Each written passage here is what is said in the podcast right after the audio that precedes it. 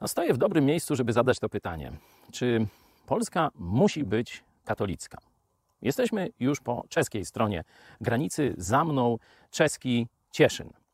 I oczywiście polski Cieszyn. Kiedyś było to księstwo cieszyńskie, także do tego miejsca.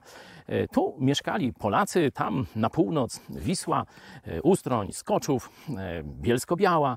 To były kiedyś tereny bardzo gęsto zaludnione przez protestantów, przez Polaków protestantów. Dzisiaj troszeczkę już mniej, ale dalej jeszcze okolice Wisły, Dzięgielowa to jest mm, większość protestancka. Czyli jednak może być sytuacja, że ktoś jest Polakiem, a nie jest katolikiem. Jest Polakiem i jest protestantem.